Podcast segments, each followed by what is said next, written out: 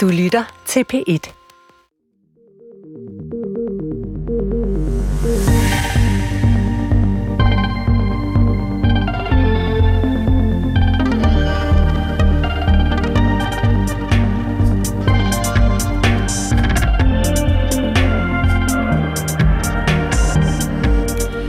Velkommen til Ring til Oppositionen. Mit navn det er Franziska Rosenkilde, og jeg er politisk leder af Alternativet, Danmarks Grønne og Progressive Parti. Og frem til kl. 13.30, der sidder jeg klar herinde i studiet til at svare på alle jeres gode spørgsmål, så det glæder jeg mig til. Så ring på 70 21. 21 19 19. Lige præcis. Eller send en sms til 1212. Var det mig, der havde revet lidt forkert noget af telefonnummeret af på siden der? Det, det, går næsten ikke. 70 21 19 19 skal I, øh, skal I selvfølgelig ringe, som I plejer. Ikke? Velkommen til Ring til Oppositionen, også til dig, Franziska Rosenkilde. Som sagt, øh, leder af Alternativet. Jeg må indrømme, at jeg har glædet mig lidt øh, til, til du skulle komme. Ikke? Det har været nogle øh, hæsblæsende uger i, øh, i Alternativet. Hvordan har det været for dig? Jamen, det øh, har været, som du siger, ret hæsblæsende. Det har været et hæftigt forløb. Øh, det har været øh, lange 10 måneder på den ene side, og så er det kulmineret i et, i et meget sådan, ja, hæftigt forløb. Mm. Både med mailinger og snakke og udmeldelser og medlemmer og så videre. Så, øh, men nu er jeg også virkelig klar til at tale politik, så jeg er rigtig glad for at, øh, at være her i dag. Mm. Det handler selvfølgelig om, om Therese Scavenius og den øh, sag, der har været, hvor, hvor samarbejdsvanskeligheder har, har spændt ben for, øh, for jeres politiske arbejde. Du, du nævner også øh, udmeldelser. Er, er, der, er der mange, der har meldt sig ud af Alternativet? Nej, nej, det er Therese Scavenius, har meldt sig ud. Klart. Okay. Ved du egentlig, om der er mange, der har meldt sig ud af Alternativet, efter at Therese er blevet ekskluderet? Øh, det er der ikke. Ikke de sidste tal, jeg har fået. Der er faktisk øh, nogen, der har meldt sig ud, og nogen, der har meldt sig ind. Så mm. det er sådan, nettotal er det meget lidt i forhold til, hvad sådan svingningerne er mm. i et parti. Mm. Øhm, hvad skal der ske nu egentlig, for sådan lige at få ro på, øh, på bagsmækken efter alt den her? Altså det er jo endnu en personsag, ikke? Det er jo endnu en, en, en møgssag, som, som vi også har set et par stykker af i løbet af det seneste år hos øh, Alternativet.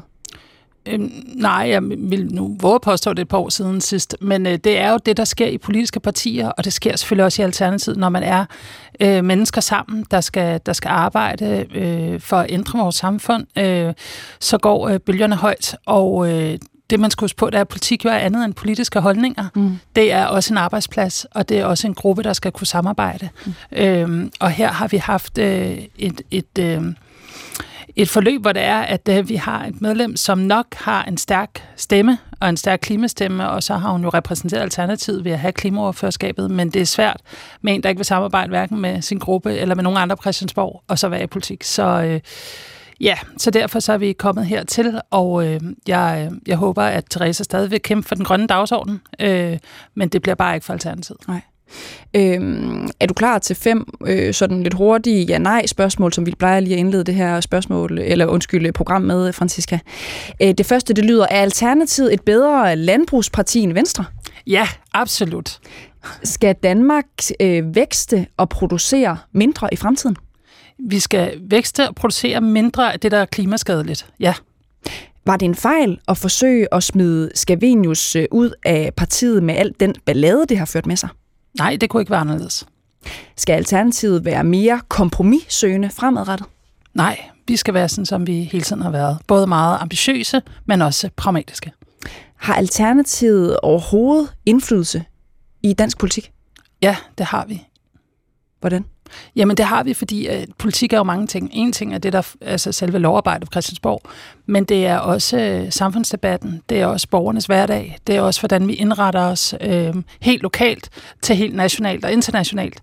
Og der har øh, Alternativet en, øh, en stærk stemme. Mm. Har, har I mest indflydelse, når det handler om samfundsdebatten, eller har I reelt indflydelse på dansk politik, øh, love osv.?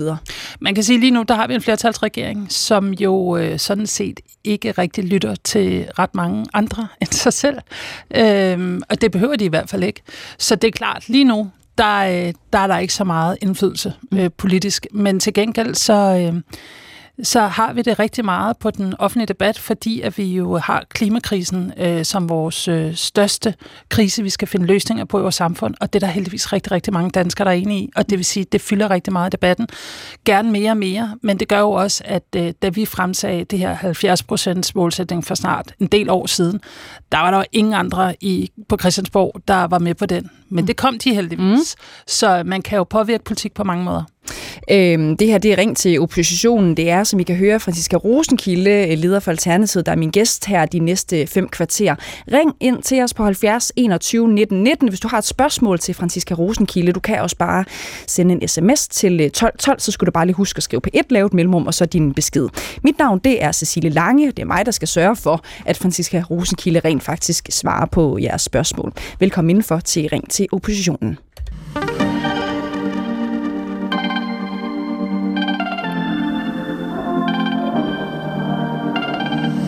70 21 19 19 er nummeret, I skal ringe på. Øh, I kan også bare sende en sms til 12 12'eren. Øh, øh Franziska Rosenkilde, den, den første øh, besked er allerede tikket ind. Den får du bare her. Det handler om krigen i Ukraine, kan jeg lige se umiddelbart. Hej Franziska, overvejer at skifte fra Socialdemokratiet til Alternativet, men hvorfor bliver I også ved med at støtte militær assistance til Ukraine og mere militær oprustning i det hele taget? De giver ingen mening. Nej, altså, øhm, ja, det er et super konfliktfyldt øh, spørgsmål og sag. Man kan sige, for os øh, nu, hvor krigen er der, så er øh, arbejdet ligesom gået galt jo. Øh, I Alternativet, der er vi i udgangspunktet et øh, nedrustningsparti, og et parti, som ønsker at være langt mere ambitiøs på fred end på krig. Øh, og det mangler vi jo i den grad fra den her regering her.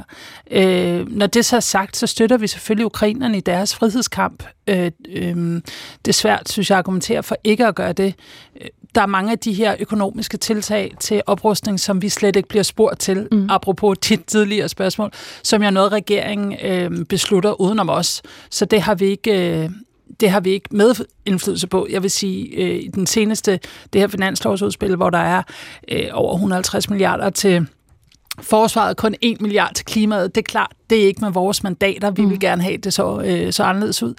Øhm, så, øh, men det er rigtigt nok, vi har jo været med til at sende afsted, når det er, at det har været beslutninger i Folketinget. Og det er fordi, at øh, vi er nødt til at, at hjælpe øh, et, øh, et, et folk, kan man sige, som er blevet, øh, som er blevet øh, invaderet. Mm. Øh, men men det, skal, det skal der skal ikke være tvivl om, at Alternativet er et parti, som vil ønske, at både Danmark og EU var langt, langt tydeligere i ambitionen om at skabe fred. Okay. Ja, for det er jo en, øhm, et øh, verdenssyn, som jo også har indfundet sig tidligere historisk, altså på, på, på den yderste venstrefløj. Altså man sådan set grundlæggende ikke mener, der skal være en masse våben i den her verden, og man skal afsøge muligheden for fred øh, altid. Forstår du det spørgsmål, som, som kommer her? Altså hvorfor skal der overhovedet flere våben til i den her verden øh, med dine øh, øh mandater? Ja, det forstår jeg godt. Øh, og jeg er også selv konfliktet omkring det spørgsmål. Det hvad, er det, der, hvad er det, der rumsterer ind i dig? Altså, Jamen, det er, fordi øh, jeg sådan set er enig i spørgen her omkring, at, man, øh, at det er sådan ideologisk forkert at bruge øh, penge på at opruste og på at sende flere øh, våben ind i en krig, fordi det jo på mange måder øh, opruster krigen mm. og gør den øh, længere og mere smertefuld. Øh, men samtidig så står der også et folk lige nu og beder om hjælp i deres frihedskamp, og det er også meget svært at lukke øjnene for det. Mm. Øh, så, så, så det er jo dilemmaet i det her. Øh, jeg synes, det, der bare er så vigtigt, det er, at vi lærer af den her konflikt, at vi gennem EU eksempelvis, øh, jo måske tidligere lidt naivt har tænkt, at så længe vi handlede med Rusland eksempelvis, så var vi venner. Ja. Det kan vi se nu det er altså ikke en garanti, og derfor så, så ligger der en kæmpe opgave for EU, og det er også derfor, vi i Alternativet er meget pro-EU, og sådan set også gerne vil... Øh, vil have fjernet retsforbeholdet, fordi vi faktisk synes, vi skal melde os endnu mere ind i EU for at skabe et virkelig stærkt fællesskab, hvor øh, fred også i langt højere grad skal tilbage på EU's dagsorden, som det jo var øh, engang. Øhm, så, øh, så, så har der jo også ligget en, måske en værdikamp i, at man, man så stærkere ud, når man talte om, om krig og om oprustning. Og, øh, og i Alternativet, der synes vi godt nok, det er på tide, at, øh, at vi får vist politisk, at man er meget, meget stærkere, når man er ambitiøs på fred mm. end på krig. Tak for øh, spørgsmålet, øh, og øh, alle andre, som sidder og lytter med, skal også være velkommen til at ringe ind til os på 70 21 19 19, eller øh, sende en sms til øh, 12 12. Lad os lige prøve at byde velkommen til den første lytter, der har ringet ind til os, øh, Therese Skavenius. Øh, velkommen til dig, Peter. Goddag. Goddag, Peter. Du har et spørgsmål til øh, øh, Therese Scavenius, som sidder... Ej, det vidste jeg bare vil ske på et eller andet tidspunkt. Ikke? Men du er ikke det er selvfølgelig Franziska Rosenkilde, som, som sidder øh, øh, hos mig her i studiet. Øh, øh, hvad, hvad lyder det til, øh, Peter? Hvad går spørgsmålet ja. ud på? Jo, men øh, det er apropos uh, Therese Scavenius. Jeg hørte et interview med hende uh, i morges på 4-7. Ja. Uh, et program, der hedder Valgt i Danmark ja. hvor hun siger, at øh, hun ikke er længere velkommen på den grønne gang på Christiansborg. Mm. Der, hvor Alternativ holder til. Øh, så jeg vil høre, hvorfor hun ikke er det, hvis det er rigtigt. Det er jo faktisk, du kan jo få lov at svare, øh, men, men det har jeg da også hørt, at, at I sådan set har, har set det som den øh, løsning, der var der lå først for, at hun skulle finde et andet øh, øh sted at, at sidde, ikke? Øh. Jo, altså det er jo, det er jo almindelig kutume, når man bliver løsgænger, så får man et kontor væk fra, fra gruppen. Øh, jeg tænker, det siger sig selv, at der jo, når der har været så massive samarbejdsvanskeligheder, der har gjort, at vi har været nødt til at splitte op, så, øh, og at det ligesom har påvirket øh, hele arbejdsmiljøet, så tænker jeg, at det giver meget god øh, mening, at man får et kontor et andet sted, end hvor resten af gruppen sidder. Æh, det Men blev faktisk... kommer over for en kop kaffe, ja, for eksempel? Det kan du tro. Hvis hun gerne vil samarbejde med mig, så kan du tro, hun er velkommen til en kop kaffe. Okay. Og hvad med jeres medarbejdere? Må de snakke med hende på gangen? hvis hun kommer forbi. ja, selvfølgelig må de det. Selvfølgelig må de det. Øh, det her det handler jo kun om, øh, at når man er i en konflikt, der har været igennem en, en svær konflikt, så er det rarest for alle parter at skilles. Det tror jeg, man kender for rigtig mange dele af, af sit liv. Øh, men, øh, men selvfølgelig øh, må man snakke sammen med, med dem, man vil. Øhm, beslutningen om, at Therese Scavenius skulle sidde et andet sted, den, øh, den faldt jo sådan set allerede inden hun var blevet øh, løsgænger i, i Folketinget. Hvorfor er det, det er nok også det, der er mange, der sidder og tænker på, vi er jo alle sammen øh, voksne mennesker, og det her, det er, det er politik, øh, som, som I går og laver til hverdag. Hvordan kan det være, at hun slet ikke må, må sidde på, på gangen? Altså, det var en beslutning, som blev taget allerede inden, at hun besluttede sig for at melde sig ud af partiet. Jamen, det er fordi, vi som folketingsgruppe jo øh, ekskluderede hende fra folketingsgruppen, kan man sige.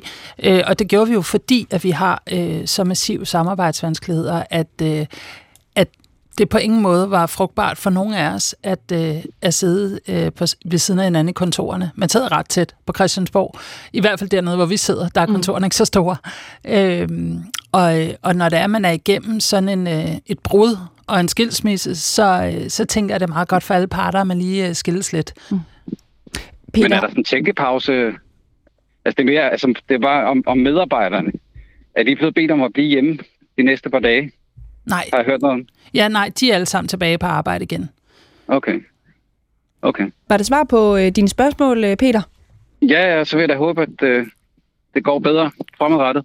Ja, tak skal du have. Og at øh, I kan snakke bedre med hinanden. Er, er, er du egentlig selv øh, investeret i politik, øh, Peter, eller stemmer du alternativet? Nej, overhovedet ikke. Nej, nej overhovedet ikke. Det, det, har, det har jeg aldrig gjort. Mm. Øh, nej, det er bare interessant, når, øh, når politikere får svært ved at tale sammen lige pludselig. Mm. De her samarbejdsvanskeligheder, ikke? Jamen, jeg tænker, det sker jo på alle arbejdspladser, eller det kan det gøre. sit eget liv også, ja. ja.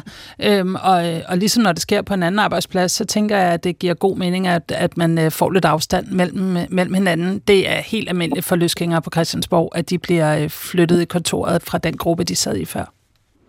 Okay. Tusind tak, fordi tak. du ringede ind øh, til os tak, øh, med de gode øh, spørgsmål, Peter. Det er du også velkommen til, hvis du sidder derude og lytter med. Det er 70 21 19 19 eller sms til øh, 12 12.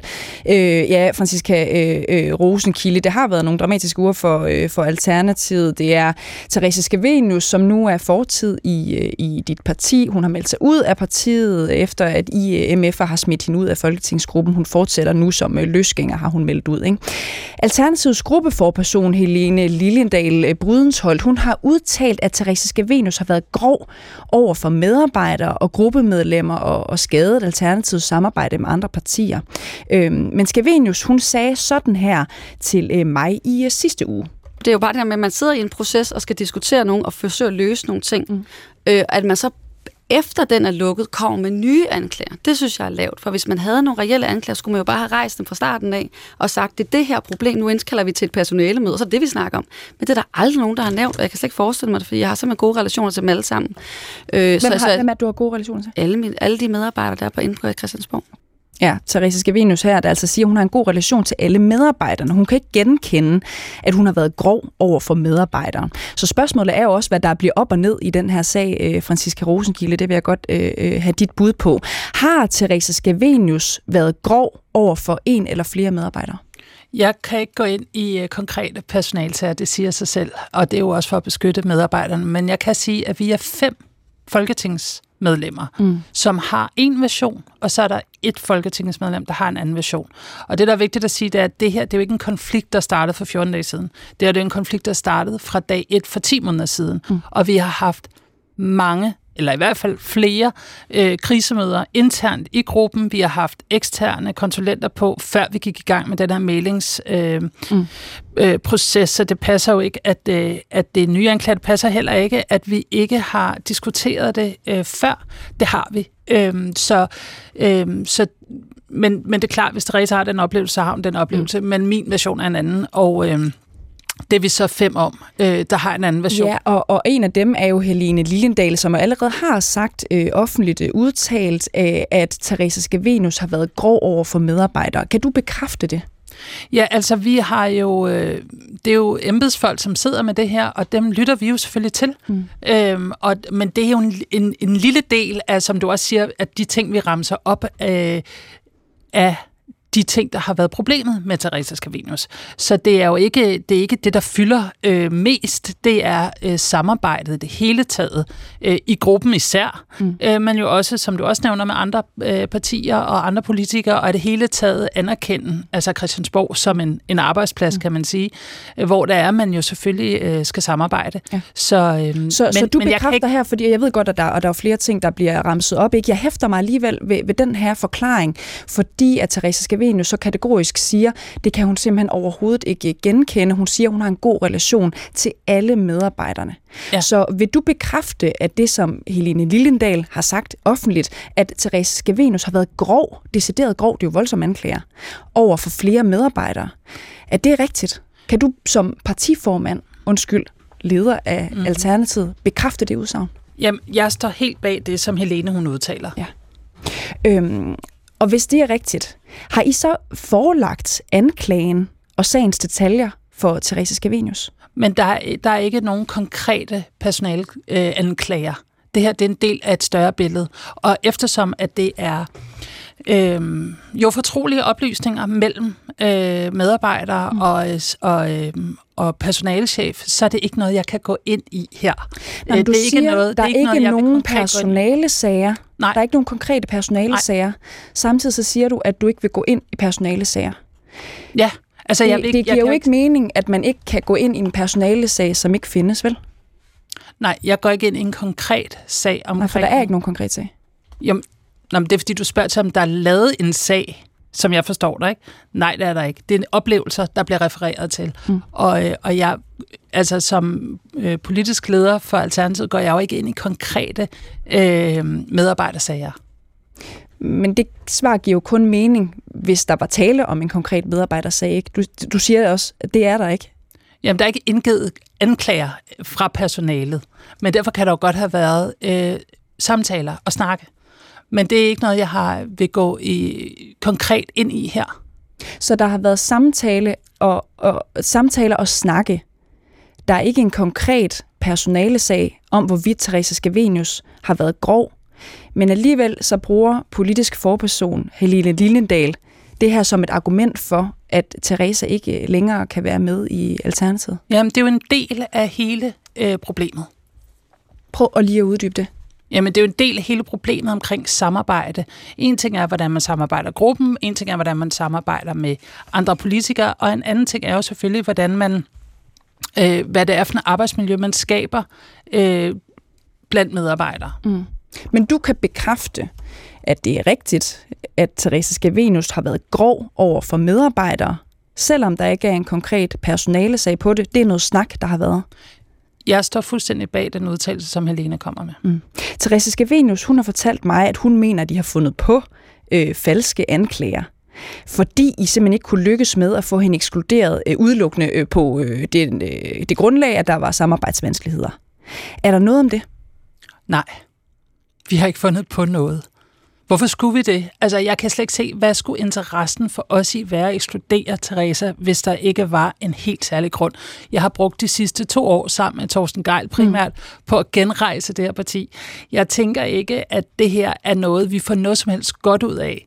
Så hvis der ikke var virkelig seriøsitet bag de her øh, bag den her situation, så kan jeg slet ikke se, hvad jeg skulle få ud i at bringe os ud af den. Nej, og, og det som Therese Scavenius jo selv siger, det er, at hun mener, at det er fordi, I ikke kunne lykkes med på det grundlag, I havde, at få hende ekskluderet. Altså samarbejdsvanskeligheder. Der var ikke nok gods i det. Det, det, det er hendes øh, men, men udlægning. Det, men det passer ikke, fordi man kan sige, vi kan ekskludere hende fra Folketingsgruppen. Det er det, vi gjorde. Så hun selv valgte at melde sig ud.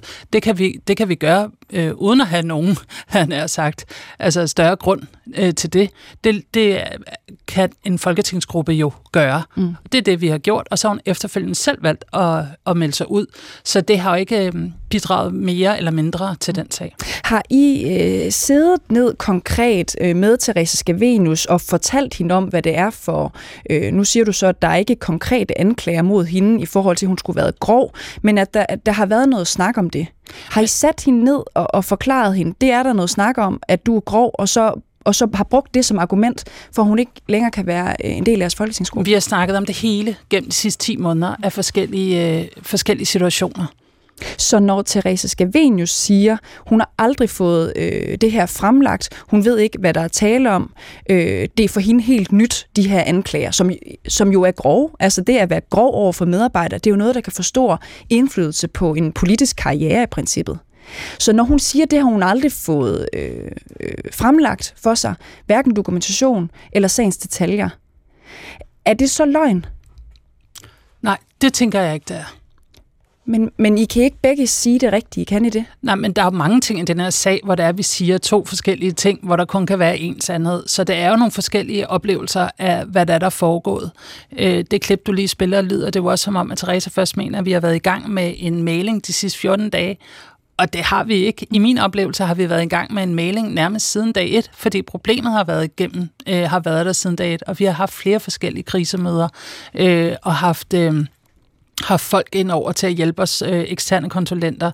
Øhm, så, øh, men nu er det overstået, og øh, nu er det i hvert fald der, hvor det er, hun selv har meldt sig ud, så nu er det ikke længere en intern mm. øh, konflikt, kan man sige, og derfor så øh, vil jeg rigtig gerne snakke om Alternativets politik. Ja, og det lover det, vi også øh, kommer til, øh, Franziska Rosenkilde, men, men når Therese Gavenus siger, jeg har aldrig fået at vide, hvad det er for ting, det drejer sig om, når Alternativet som gruppe siger, at jeg har været grov over for medarbejdere. Igen, det er jo voldsomme anklager. Er, er det rigtigt, når hun siger, jeg har aldrig fået øh, noget hverken øh, sort på hvidt, eller jeg, der har fremlagt øh, de anklager over for Therese Scavenius? Er det, det rigtigt, når hun siger det? Det er jeg ikke enig i. Det har jeg sagt flere gange nu. Mm. Hvornår har I så gjort det? Altså, hvornår har I fortalt hende, hvad Men, det var for, for anklager om, om, at hun skulle have været grov? Hvornår er det foregået? Jamen, jeg vil ikke gå ind i et langt øh, procesforløb her. Det synes jeg spilder tid. Jeg vil hellere høre, hvad borgerne de gerne vil spørge om, mm. talt. Fordi vi har, som sagt, gennem de sidste 10 måneder haft forskellige former for krisemøder og mailingsmøder øh, og processer. Og senest her har vi været igennem en rimelig intens øh, mailingsproces igennem de sidste uger uger. Så det har været, øh, det har været emner undervejs. Og det er jo øh, øh, heller ikke for at køre rundt i det, det er jo bare fordi, det er voldsomt øh, at et medlem af en folketingsgruppe... Men synes du ikke, det andet er mere voldsomt? Undskyld? De andre anklager. Altså omkring ikke at kunne samarbejde med en gruppe, eller med andre øh, partier eller ministre, eller øh, ikke ønsker at anerkende en gruppe overhovedet. Det tænker jeg, der er øh, mindst lige så voldsomme anklager, vi kommer med. Og det er jo fint nok.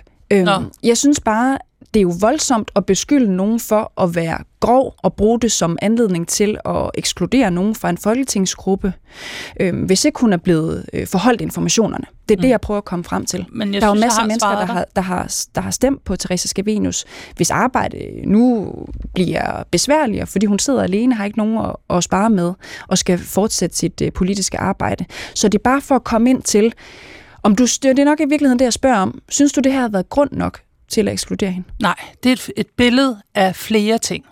Nej, det, vil, det, har ikke, det er ikke grund nok i sig selv. Nej, mm. det er det ikke. Mm. Det er et billede af flere ting. Jeg synes øh, klart, den største grund ligger jo i øh, mangel på samarbejde med sin gruppe, og ikke anerkende gruppen. Godt.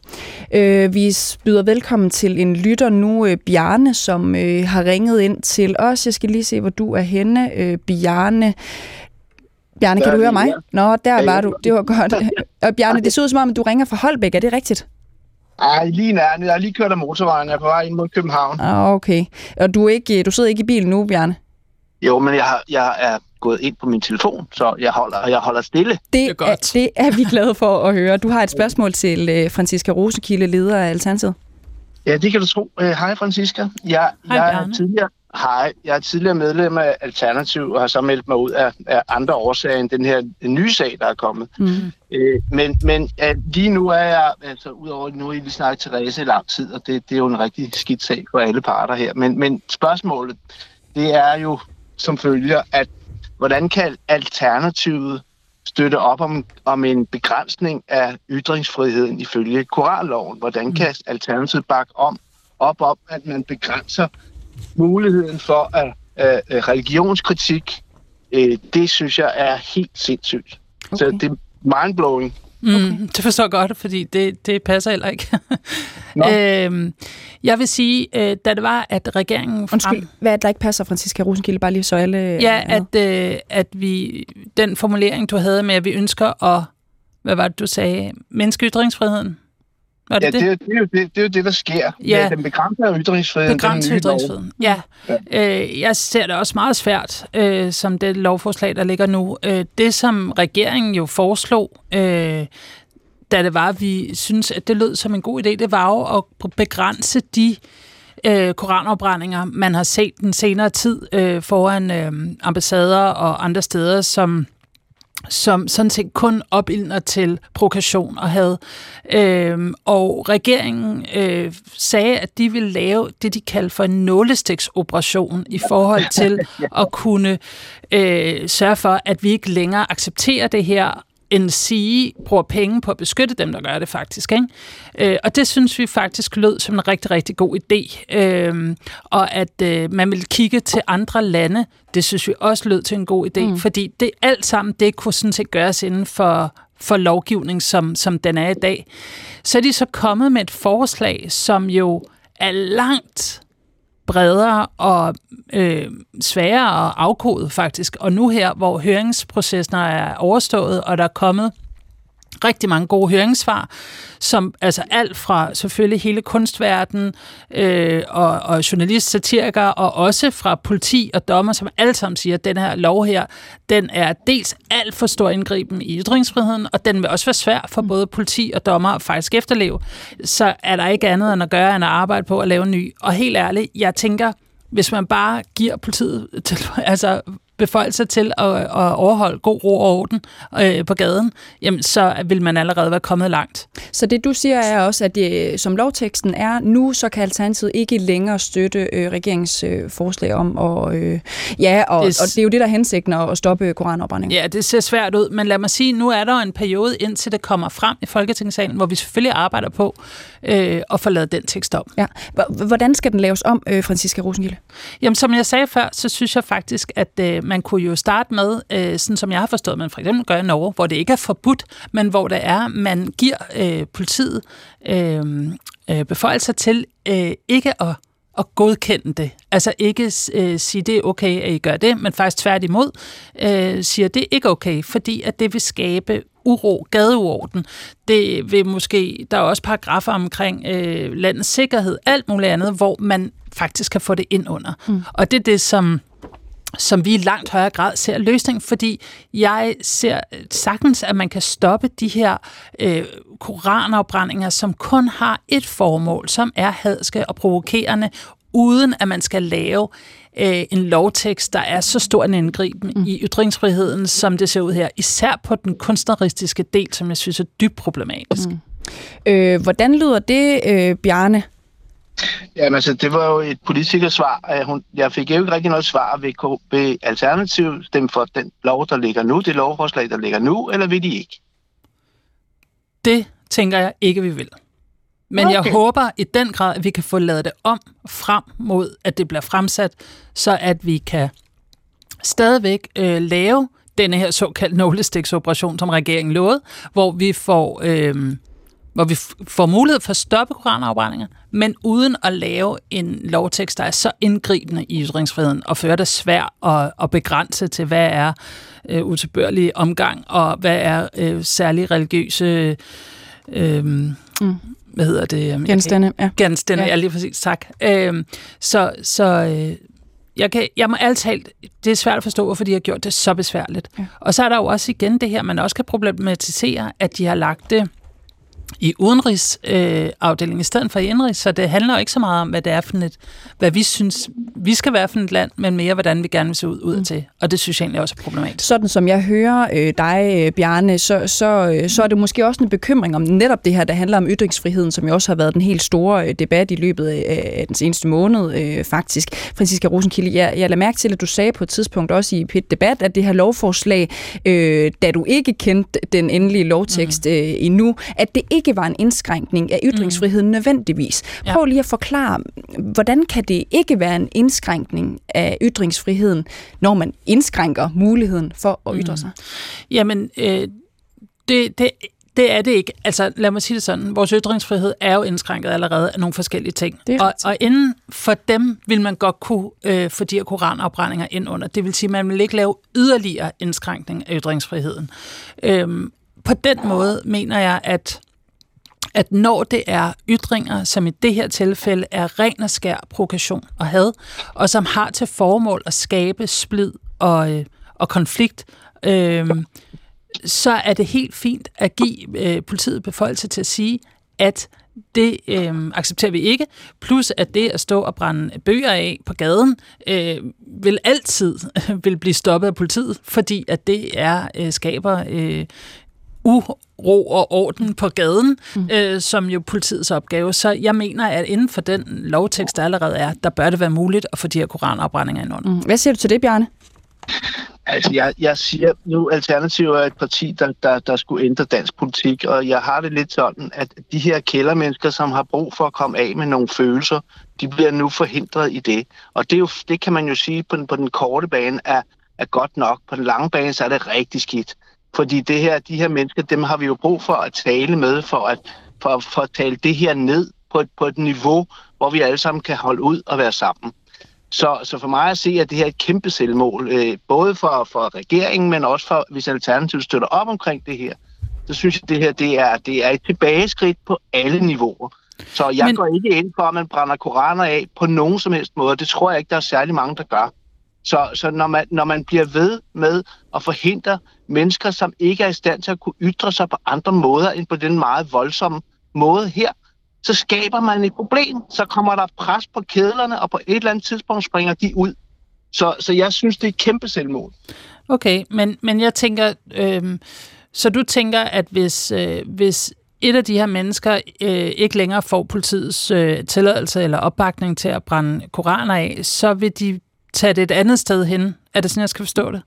Jamen, men prøv at høre, det er der jo ikke nogen som helst tvivl om. Det ser vi jo alle steder rundt i hele verden. Bare kig mod USA. Altså, hvad sker der derovre? Hvem er det, der taber ind i den her gruppe? Ikke? Altså, det, det, det, er jo det er en gruppe, de forsvinder jo ikke. Mm. Så, så, så, så på en eller anden måde må vi jo finde en eller anden bro Jamen, det er helt med dig.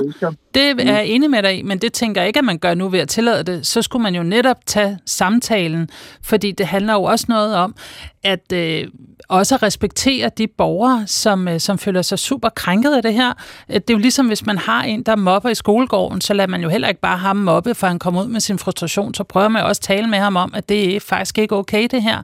Men det er ligesom ja, om, når vi bliver voksne... Hvor vil, du gøre det henne? hvor vil du gøre det henne, Francisca, hvis du forhindrer folk i at ytre sig? Hvor vil du så tale med ham henne? Hvor vil du finde ham henne? Men der er der ingen, der taler med ham, når det er, han står og brænder koraner af?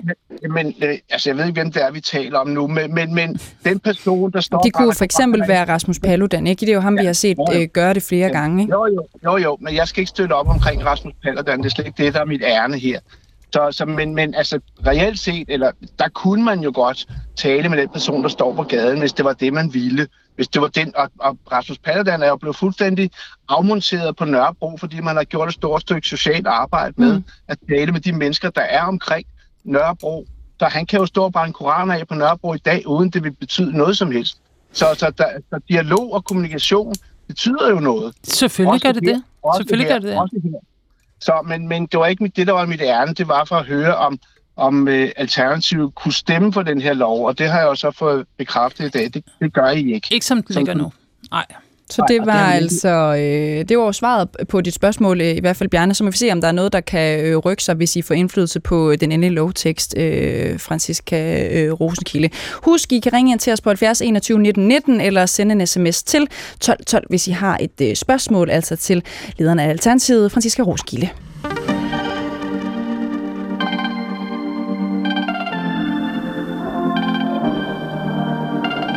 Lad os bare byde velkommen til den næste lytter, øh, Franziska Rosenkilde. Det er John, som har ringet ind til os. Øh, velkommen til Ring til oppositionen, John.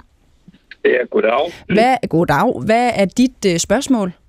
Jamen, det er lidt øh, i, i forbindelse, du havde faktisk i din introduktion, nu kom det jo en lang diskurs om personsager. Det var jeg lige lidt ked af. Jeg ville hellere have, at vi diskuterede politik. Det, det tror jeg, Francis Rosenkilde er enig i. men men, øh, men øh, hvad hedder det? Øh, ja, det var i forhold til, at du annoncerede omkring landbruget ja. og der er landbrugspolitik og sådan noget. Og øh, nu har jeg faktisk læst på Alternativets landbrugspolitik, og den er simpelthen ikke så tosset, men det fremstår jo lidt anderledes i, øh, i offentligheden. Øh, og en af de ting, som jeg måske så synes, man kunne øh, gøre, det var, om ikke vi kunne få et større øh, forbrugerpres. Fordi en ting er at lægge øh, afgifter og sådan noget på landbruget øh, og presse dem. Det tror jeg også, man bliver nødt til. Men det er jo stadigvæk forbrugeren, der køber varerne, og vi mm. kan jo ikke have og, og gøre det umuligt at producere oksekød øh, i Danmark, og så køber man det bare fra Brasilien eller Tyskland eller et eller andet sted for. Så, så et eller andet sted ligger det jo også, at vi skal øh, stimulere hvad hedder det, øh, forbrugerne til at, at købe mindre simpelthen. Og det vil sige, ja. så må vi jo lave nogle, nogle afgiftsregler og nogle, nogle ting, som, som gør, at man, man øh, køber mindre. Vi har jo haft hele den der diskussion om, om øh, spaghetti kødsovs og hvad ved jeg, øh, latterlige ting. Ja, hvis det endelig er, så kunne man sgu da købe noget. Hvorfor kalder du det, øh, hvorfor er det latterligt? Øh, bare ren nysgerrighed? Fordi man skyder nogle fattige mennesker hen foran sig, fordi man ikke vil lave tingene om. Mm. Okay. Man kunne gøre noget helt andet, og det, det, det er et forslag, som, som jeg faktisk har stillet tidligere. Øh, og det vil sige, at øh, hvis nu vi sagde, at der er simpelthen ikke noget, der skal hedde indkomstskat, hvis det kunne lade sig gøre, øh, eller næsten ingenting. I stedet så skulle vi betale en CO2-afgift, og det ville jo i høj grad også gøre, at så folk ville få, foretage nogle andre valg nede i indkøbsvognen. Ja. Og det, det der egentlig var øh, mit spørgsmål, det var, mm-hmm. hvordan kunne vi indrette det sådan, så folk øh, foretager nogle andre valg øh, med afgifter, med kampagner, med whatever. Okay. Øh, så så man, man er, får en interesse i at købe miljøvenligt øh, frem for øh, kun os at beskatte Godt. landbruget. Ved du hvad, vi stiller det direkte videre. Hvordan lyder det i dine øh, ører, Franziska Rosengilde? Jamen, øh, tusind tak for spørgsmålet, John. Jeg synes, at det, øh, det lyder rigtig spændende, og det taler langt ind i sådan alternativets øh, vision omkring, at forureneren skal betale i langt højere grad. Øh, jeg tænker, der kommer en, en afgift på landbruget. Øh, den bliver præsenteret her i løbet af efteråret, så må vi se, hvordan den lander. Øh, men Alternativets landbrugs politik er jo mere ambitiøs end bare en afgift. Øh, jeg synes sådan set, at man i langt højere grad øh, politisk kunne gå sammen med erhvervet og omstille det til et langt mere øh, økologisk og regenerativt landbrug, altså få de mindre bedrifter tilbage og få den lokale forankring tilbage, sådan så man også skaber noget værdi ude i, i, i landområderne. Og så øh, har du ret i, at vi kommer også til at og øh, arbejde for at få en, for, en, øh, en afgift på forbrugerledet, fordi i dag der koster øh, fødevarene jo ikke det, som de koster at producere. Og derfor så har man måske også en forkert sådan, øh, forståelse af, hvad mad koster. Øh, så derfor så skal kød også blive dyrere, øh, fordi det koster rigtig meget på vores øh, miljø, vores klima, vores dyrevelfærd at producere kød.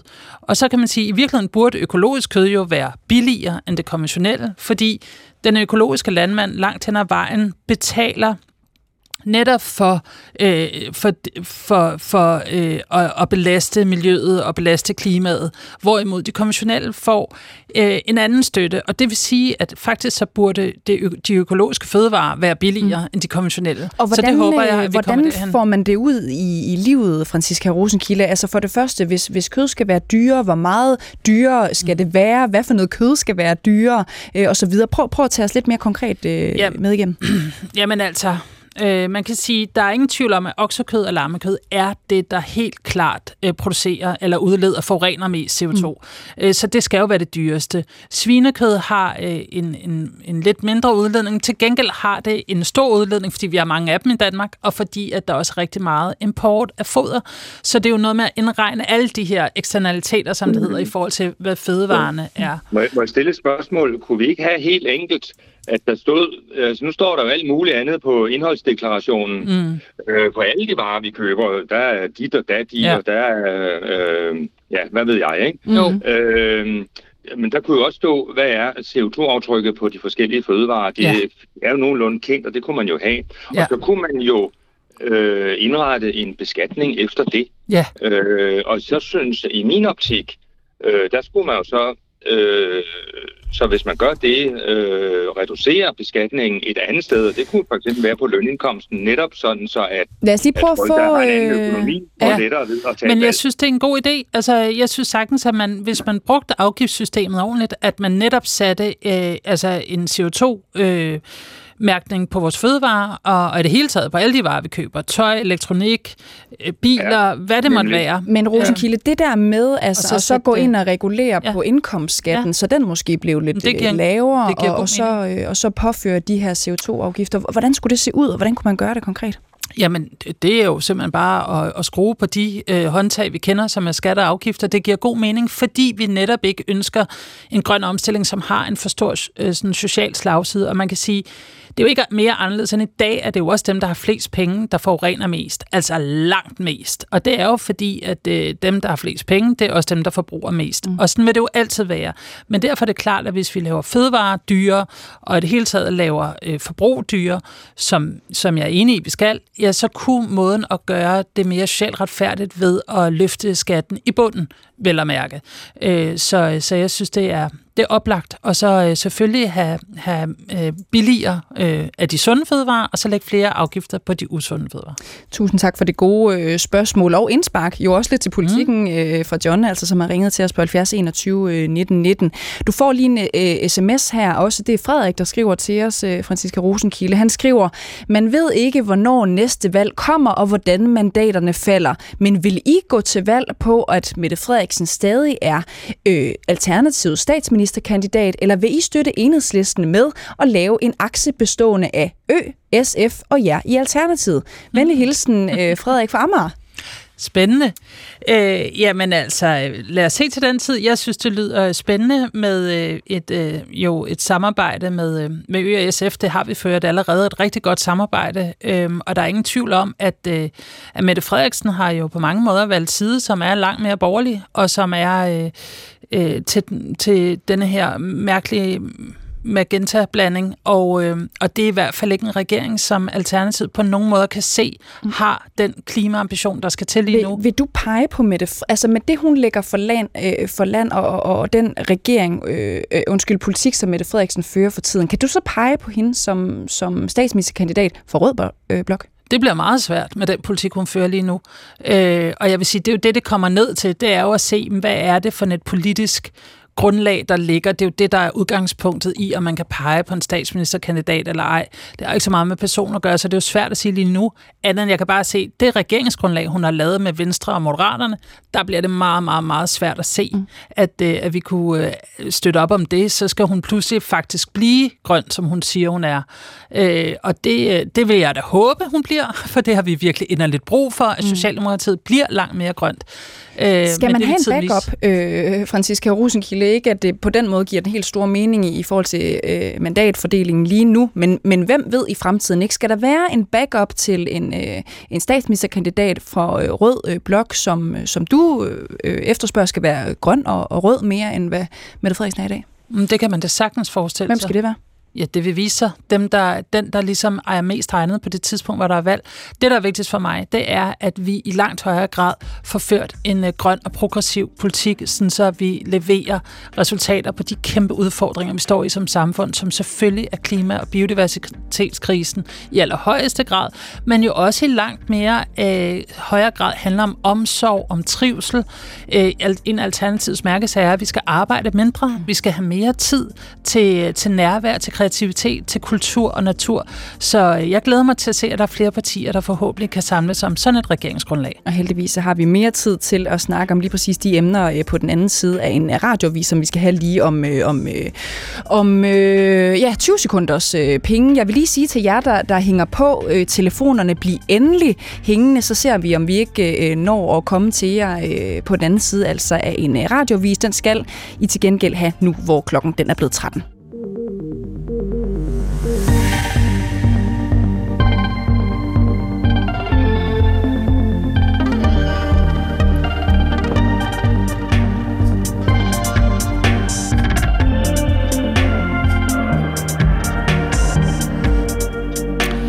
Velkommen tilbage her til Ring til Oppositionen. Mit navn det er Franziska Rosenkilde, og jeg er politisk leder af Alternativet. Jeg sidder her frem til 13.30 og vil rigtig gerne svare på spørgsmål fra jer derude.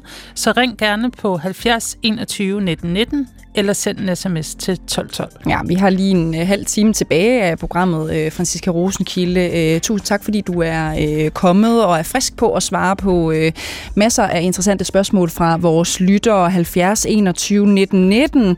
Det er, hvis du vil ringe herind. Du kan også bare sende en sms til 1212, så skal du skrive på et lavt mellemrum, og så sende din uh, besked afsted. Mit uh, navn, det er Cecilie Lange. Det er mig, der lige skal prøve at se, om jeg kan få uh, Franziska Rosenkilde til rent faktisk at svare på spørgsmålene. Det synes jeg nu går uh, meget godt indtil videre, øh, Francisca.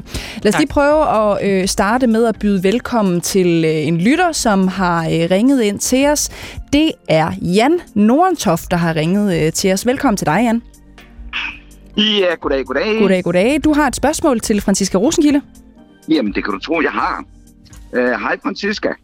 Hej, Jan. Hej, hej. Øhm, det handler så lidt om øh, omkring det her. Øh, vi taler meget øh, om øh, med hensyn til legalisering af cannabis. Ja. Øh, og der kunne jeg jo godt tænke mig at vide, hvilke argumenter I bruger over for regeringen. Øh, fordi jamen, jamen, det, er, det er jo et, en, et mangehovedet uhyre, fordi der er jo dels øh, al den snak omkring øh, det der med indtagelse af det, men der, der er jo også en masse facts omkring øh, hvad man kan bruge ham til ikke? Mm. Også i produktionen. Ikke? For eksempel, at øh, en hektar øh, hamp øh, frigiver lige så meget ild som 25 hektar skov, og så videre, og så videre, og så videre. Ikke? Og når vi nu taler ja, undskyld, lidt... øh, jeg, jeg bliver bare lidt nysgerrig. Altså, hvad, hvad synes du egentlig selv øh, om det? Er du øh, for legalisering af, af cannabis, eller hvor står du henne på det? Jamen, øh, ja, jeg er for legalisering, fordi jeg synes sådan set, at, øh, at det er lidt et overgreb, at, at øh, man har forbudt det. Okay. Øh, og, og, og, og gjort det øh, til farligt. Altså, når, når man øh, argumenterer, så skal man bruge nogle ordentlige argumenter. Mm. Og det der med, at det er farligt. Nu taler man meget om psykoser og sådan noget. Og jeg har været inde og læse på det. Øh, man siger, at, øh, at øh, 10 procent af brugerne øh, øh, er i risiko for, for psykoser. Mm. Det vil så sige, hvis jeg kender 1000 mennesker, så de 100 af dem har været udsat for øh, psykoser. Og det er jo helt, helt hen i vejret. Så der tror du altså ikke rigtigt på, øh, på, Jamen, på tallene øh, der, Jan? Jeg er nødt til at forholde mig til den, ja, øh, til den øh, øh, viden, jeg, jeg har mm. øh, på området. Ja. Ikke? Den erfaring måske, du har på, øh, på Også det. Ja, ja, ja, ja. Lad os lige prøve at, at spille den videre, Jan. Ja, lad os lige, lad os lige tage en ting ad gangen, Jan, så kan vi se, om vi lige når øh, noget mere. Francisca, hvor står du henne øh, øh, på det her, altså holdningen til legalisering af, af cannabis lige øh, for, for nuværende? Der snakker vi jo om det rigtig meget igen, ikke? fordi der også er, er bander, der, der haver flere steder i København, særligt på, øh, øh, på Christiania, som jo er en, en, en afledt effekt af hele handlen med, med cannabis for eksempel. Var det ikke meget bedre bare legalisere øh, det hele. Jo. Det er jo det, I står det er, for os det har vi jo hele tiden. Ja. Og det, og det, Jan spørger ind til, det er også, hvad er det for nogle argumenter, I bruger over for regeringen, for måske at få dem til at indse, at det kunne være vejen øh, frem? Jamen, jeg synes faktisk, Jan er inde på nogle af de, øh, af de argumenter, som, som er, øh, som også er dem, vi bruger. Det er jo dels det her med, at øh, en afkriminalisering vil jo selvfølgelig betyde, at, øh, at at der ikke er noget marked, kriminelt marked på den måde. Det vil jo spare en masse kroner, skattekroner, øh, dem synes vi så hellere, man skal bruge på oplysning og forebyggelse. Øh, og så øh, kan man jo også meget bedre regulere, hvad bliver solgt og hvordan, øh, hvis man gør det øh, statskontrolleret. Øh, så der er jo både det her med, at, øh, at man afkriminaliserer og tager et marked fra de kriminelle. Jeg er helt med på, at, mm. at det selvfølgelig ikke vil løse al kriminalitet, det siger sig selv. Øh, så der er jo andre ting, man kan handle med. Så helt naivt er det jo ikke, men, men hashhandel er alligevel en, en stor del øh, af den bandekriminalitet, vi ser.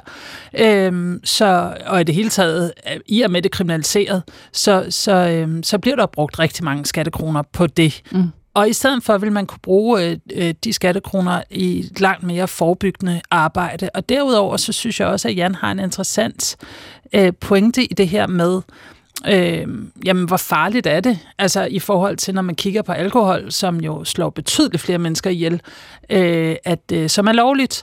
Øh, så i virkeligheden, så kunne staten, i stedet for at bruge en masse penge på en lidt sådan Sisyfos kamp, så kunne man i stedet for øh, faktisk få en masse penge øh, og, og, øh, og bruge dem, investere langt mere i forebyggelse på øh, misbrug, psykoser, hvad det måtte være, mm. oplysning omkring rusmidler i det hele taget. Og så er det jo også noget med den enkeltes frihed til at tage nogle valg om, øh, hvad man ønsker øh, i sit liv. Og så vil jeg sige, når vi kigger på... Øh, når vi kigger rundt i verden i lande, som har eksperimenteret med legalisering, så er der intet, der tyder på, at der sker et øget misbrug, eller at, øh, at det på nogen måder ligesom øger øh, det, man kunne være, være bange for ved at legalisere. Mm, det siger du, Franziska Rosenkilde, du er leder af øh, Alternativet og sidder her sammen med mig i studiet frem til 13.30. Øh, Velkommen til at skrive øh, til os på 1212'eren eller ringe på 70 21 19 19. Vi har fået en sms, øh, Franziska Rosenkilde, øh, Øh, der står sådan her, det er Michael, kan jeg se fra, fra Odense, der ringer ind. Jeg vil også bare opfordre, hvis der er nogle kvinder på øh, linjen, så må I også gerne øh, komme til fadet øh, nu. Vi starter altså lige med, med Michael. Ikke? Det er Michael fra Odense, han skriver, hvordan forventer Alternativet i fremtiden at tiltrække mandlige vælgere, apropos når de lige frem fejrer, at der ingen mænd er i folketingsgruppen. Venlig hilsen Michael fra, fra, fra Odense. Du ved godt, hvad, hvad det handler om, øh, ja. Franziska Roskilde. Det er det her famøse øh, SoMe-post, øh, I mhm. lavede øh, i forbindelse med, at ja, man første gang måske nogensinde havde set en, øh, eller første gang nogensinde yes. man har set en, en ren øh, kvindelig folketingsgruppe. Mm. Det har jo fået lidt øh, kritik, øh, Franziska Rosenkilde, måske fordi, at, at nogle... Øh, synes, det var lidt skørt, at grunden til, at det var en 100% øh, kvindelig folketingsgruppe, det var jo, fordi Torsten Geil, øh, han, han er sygemeldt lige øh, pt. Ikke? Så kom Nicoline Erbs øh, Hiller Spensten øh, ind fra, fra højre alligevel. Prøv lige at sætte nogle ord på det. Var, var det lidt øh, smagløst at lægge sådan et øh, billede op, øh, når nu anledningen var, at Torsten Geil, han, øh, han er sygemeldt? Nej, øh, overhovedet ikke. Det er jo to forskellige ting. Vi, øh, der er ingen tvivl om, at vi begræder Torstens øh, sygemelding, øh, og ønsker ham selvfølgelig mega god bedring og glæder os, at han kommer tilbage. Det, øh, det siger sig selv. Øh, Torsten Geil er en fantastisk parlamentariker og øh, kollega og kæmper for Ås projekt som ingen andre. Så øh, det er klart, det, øh, det er selvfølgelig ikke en fejring af det. Når det så er sagt, så var det bare sådan, at i og med, at han blev sygemeldt, og vi fik øh, Nicoline ind som supplant, at det faktisk var et øh, Danmarks historisk øjeblik. Øhm, og det synes jeg er værd at fejre, fordi at øh, vi adskillige gange før har haft øh, grupper, der var rent mandlige. Jeg tror, det sidste var i 19 med Liberal Alliance. Men det var altså første gang, at cirka godt 100 år siden, at kvinder øh, fik mulighed for at stille op. Mm. Øh, at der så var en, øh, en ren øh, kvindelig folketingsgruppe øh, i, på Christiansborg. Og lad mig bare sige, det er selvfølgelig ikke øh, et mål i sig selv at være en 100% kvindelig folketingsgruppe. Mm. Men man kan sige, det er med til at, øh, og, øh, at styrke ligestillingen i hele Folketinget. Og det er det, der ligesom ligger i det, det er, at det er en, en man kan sige, det er en, en mærkesag, at vi får flere kvinder ind i toppen af Danmark. Mm. Og vi får, det er jo både bestyrelser og øh, på direktionsgangene, og det er selvfølgelig også i det politiske rum. Øh, så... Men det er jo ikke det, I skriver, øh, vel, Franziska Rosenkilde. I skriver jo ikke, nu har vi endnu en kvinde i, i, i Folketingsgruppen. Det styrker den generelle ligestilling, og jo. det, at flere kvinder er i politik. Det er faktisk... der, der, der står jo sådan her, for første gang nogensinde har vi i Danmark en øh, folketingsgruppe bestående udelukkende af kvinder. Mm. Men du siger også, det er jo ikke noget, og, det er jo ikke noget at, at stile efter. Nej, nej, og det sagde jeg i mange medier, som jeg snakkede med der, at mm. det i sig selv er ikke et mål.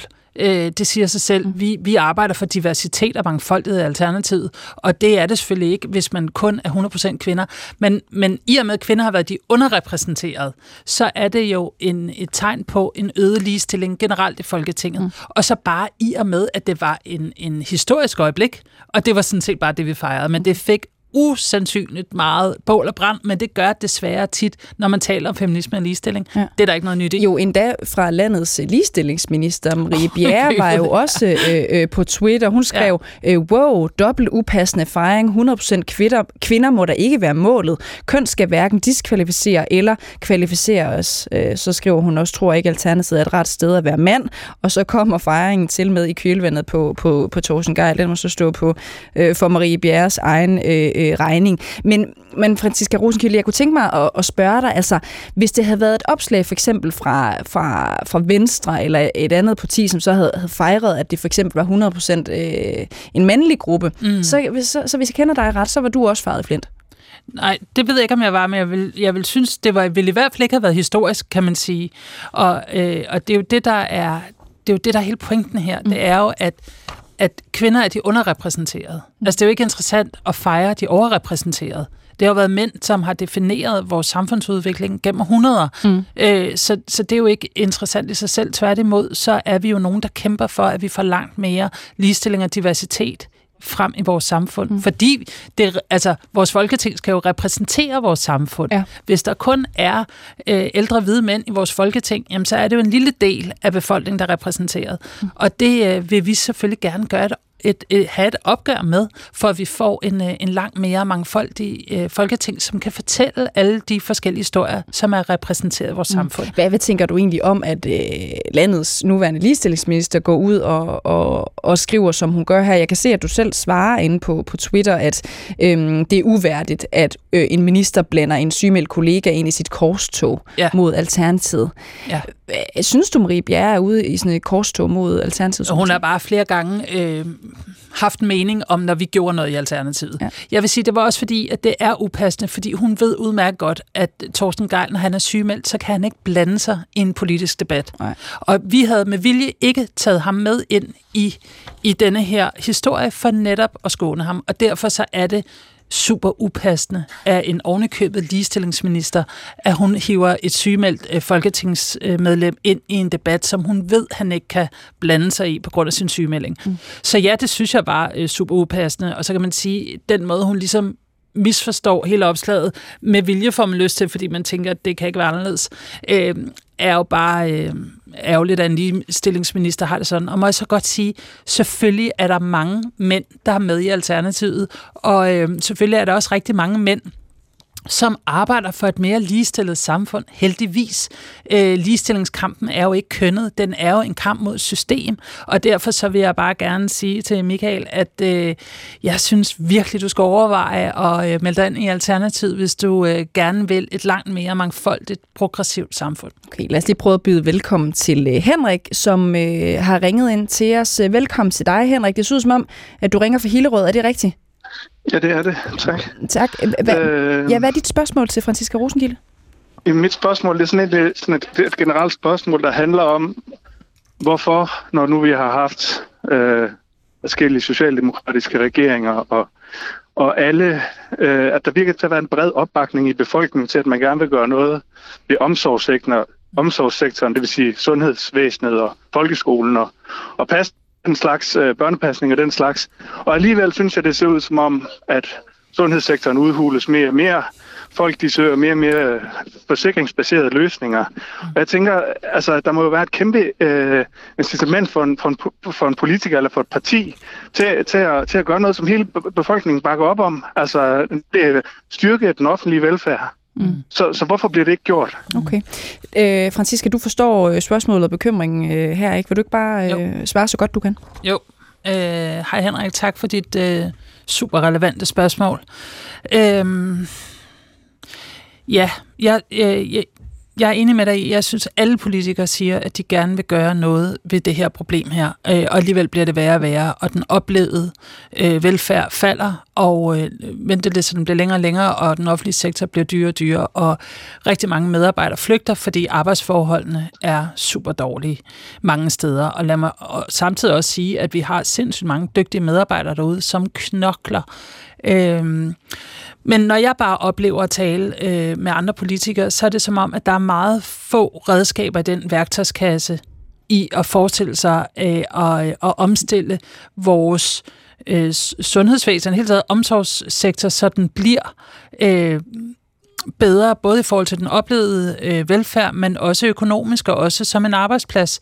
Og jeg tror, noget af det handler om, at man stadigvæk har hele den her tankegang om, at man vil drive øh, Danmark som en virksomhed, og derved også hele omsorgssektoren som en virksomhed. Det vil sige effektiviseringer, dokumentation hele tiden for, hvad folk gør og hvorfor de gør det.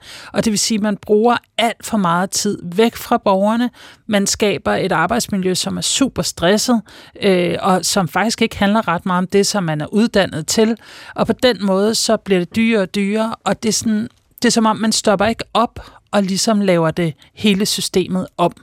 Og en anden ting er, at vi i et land som Danmark, som har økonomisk vækst som mål i sig selv. Nu, nu lyder du næsten som, som regeringen, ikke? Fordi det, er jo, det siger de jo sådan set også. De vil også skære ned på, på dokumentationskrav, Men de, de vil frisætte... Nej.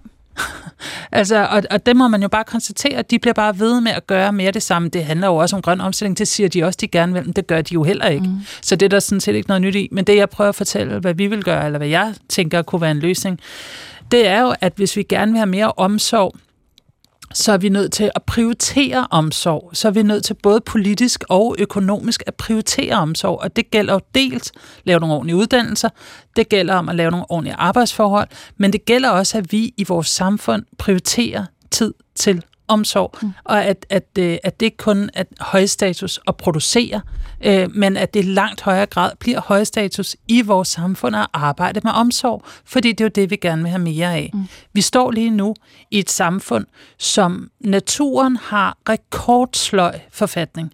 Vi har en miljøkriser, øh, vi har klimakrise, der accelererer i uset tempo. Vi har en biodiversitetskrise, og alligevel så har vi øh, politikere, der mest af alt øh, sørger for, at vores økonomi er i vækst. Vi har trivselskrise. Man taler meget om, at unge har det historisk dårligt, men det er jo også børn, det er jo også voksne. Stress er en, næsten en folkesygdom. Mm. Men man går ikke ind at prioritere de her områder her. Fordi det hele handler om stadigvæk at tjene penge. Ja, altså ifølge Mette Frederiksen, så er arbejdskraft øh, og hænder i det hele taget den nye valuta i dansk øh, politik. Det er blandt andet derfor, at man besluttede at afskaffe øh, store bededag. Lige nu er situationen, det har vi hørt så meget, ikke? At i mange kommuner, der er man simpelthen nødt til at spare, særligt på den borgernære øh, velfærd, fordi mm. der simpelthen mangler penge, der mangler arbejdskraft.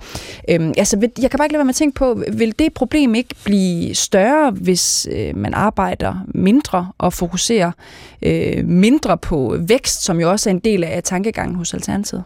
Jamen, Altså man kan ikke både hele tiden tænke, at vi skal vækste og fordoble vores forbrug hele tiden, samtidig med, at vi har en grøn omstilling. Altså det, det hænger simpelthen ikke sammen. Vi, vi kan ikke have en vækstpolitik, som hele tiden baserer sig på at fordoble vores forbrug. Øh, så allerede der er der noget galt. Det næste er, at igen, når der man taler om, at vi mangler arbejdskraft, det er jo fakta, mm. men så har man ligesom kun et greb, og det er at lave arbejdsudbudsreformer. Det vil sige, at vi skal altså arbejde mere. I stedet for at kigge på, jamen hvorfor er det, folk søger væk fra de arbejdspladser, hvor der mangler? Hvad kan vi bruge af, af andre greb, som gør, at det, man gerne vil blive der. Eksempelvis, sådan, så sygeplejersker ikke tager jobs i Norge. Vi har en masse seniorer, der sagtens skal arbejde lidt mm. tid og gerne vil. Vi har folk, der øh, lever med handicap, der også langt højere grad kunne blive integreret på et arbejdsmarked, hvis det var lidt mere fleksibelt. Så alt det her med, hvad er arbejde egentlig, det bør vi værdisætte på en helt anden måde, end vi gør i dag. Øhm, og så må vi også forstå, at når vi nedsætter vores arbejdstid, så er der en masse afledte, positive afledte effekter. Vi har mere tid sammen med vores børn, familie og venner. Vi er mindre syge. Vi bliver længere på vores arbejdspladser. Så der er en masse samfundsøkonomiske positive ting ved at sætte arbejdstiden ned. Men hvis vi prøver at blive ved det her ved, ved velfærd, som jo også er det, vores lytter her, øh, Henrik, spørger ind til. Altså, øh, får man ikke mindre velfærd, hvis vi arbejder mindre, som I lægger op til?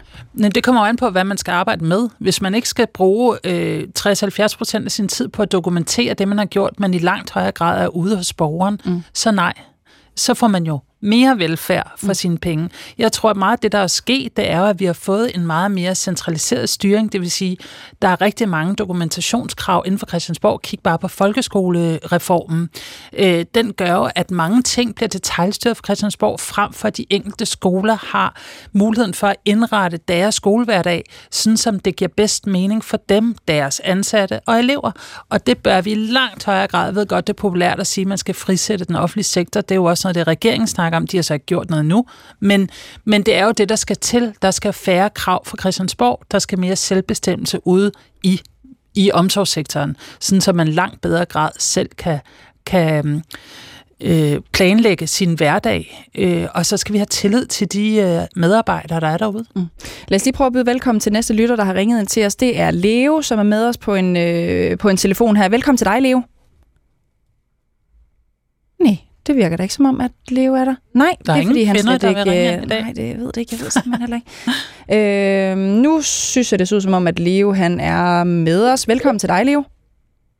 Jo, tak for det. Har du et spørgsmål til Franziska Rosenkilde? Jeg kom igennem, så jeg sad lidt lang, langt væk. Nå, det var, det var da... Nu, nu er du igennem i hvert fald, Leo. Hvad, hvad er dit spørgsmål til Franziska?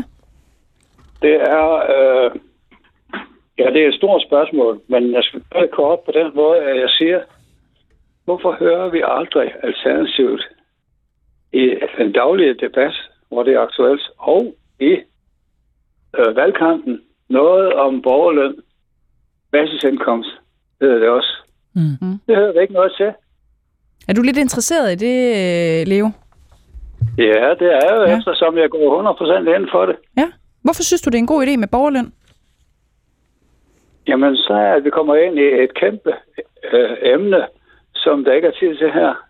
Men øh, hvis vi tager det, det den korte version, så er det altså, at vi har en statsadministration, der vokser og vokser hele tiden. Fordi Folketinget bestiller ikke andet end at lave nye ordninger, øh, socialøkonomisk art. Vi sidder og hører om pensioner hele tiden. Og øh, alternativet, og nu at bruge det udtryk, det er jo, som der står i Alternativets program, uden at beskrive nærmere, hvad det egentlig er, øh, at gennemføre overløn. Okay. Basisindkomst. Mm. Så, og det står jo i forhold til alt det, man afskaffer. Lad os lige prøve at, øh, at smide den over til øh, Franziska. Du er med på, hvad det går ud på, øh, ikke Franziska Rosenkilde. Altså, hele den her tanke om, om borgerløn, hvorfor har I ikke været mere øh, øh, på den, øh, udbredt det øh, budskab noget, noget mere, som, som Leo efterspørger her? Ja, øh, og hej Leo, og super godt spørgsmål, øh, fordi i virkeligheden, som du også er lidt inde på, øh, når vi taler enten overførselsindkomster eller pensioner, og nu er der jo efterhånden både seniorpensioner, Arne-pensioner, Arne Plus Plus, og hvad de hedder alle sammen, og dybest set kunne man bare gøre det lettere ved at indføre en borgerløn. Øh, så, så det er jeg fuldstændig enig med dig i. Øh, jeg synes, vi har været øh, rimelig tydelige, ikke lige måske den her valgkamp, men, men, øh, men vi har arbejdet rigtig meget øh, med det, og der bliver, vi bliver ikke mødt med sådan super meget øh, øh, genklang i resten af Folketinget, men vi har dog fået snakket en del om det her, som er sådan lidt øh, borgerløns fætter, kan man sige, altså øh, øh, overførsel uden modkrav. Altså at, øh, at man øh, laver nogle forsøg med, at man igen altså sætter folk mere fri og mm. giver dem mere øh, magten tilbage over eget liv, kan man sige, at man får en, en øh, en ydelse, og, øh, og derfra sådan set øh, selv øh, man kan få den hjælp, man har brug for, hvis man ønsker eksempelvis at komme tilbage på arbejdsmarkedet, men dybest set så er det op til en selv, øh, frem for alt det her kontrol og mistillid.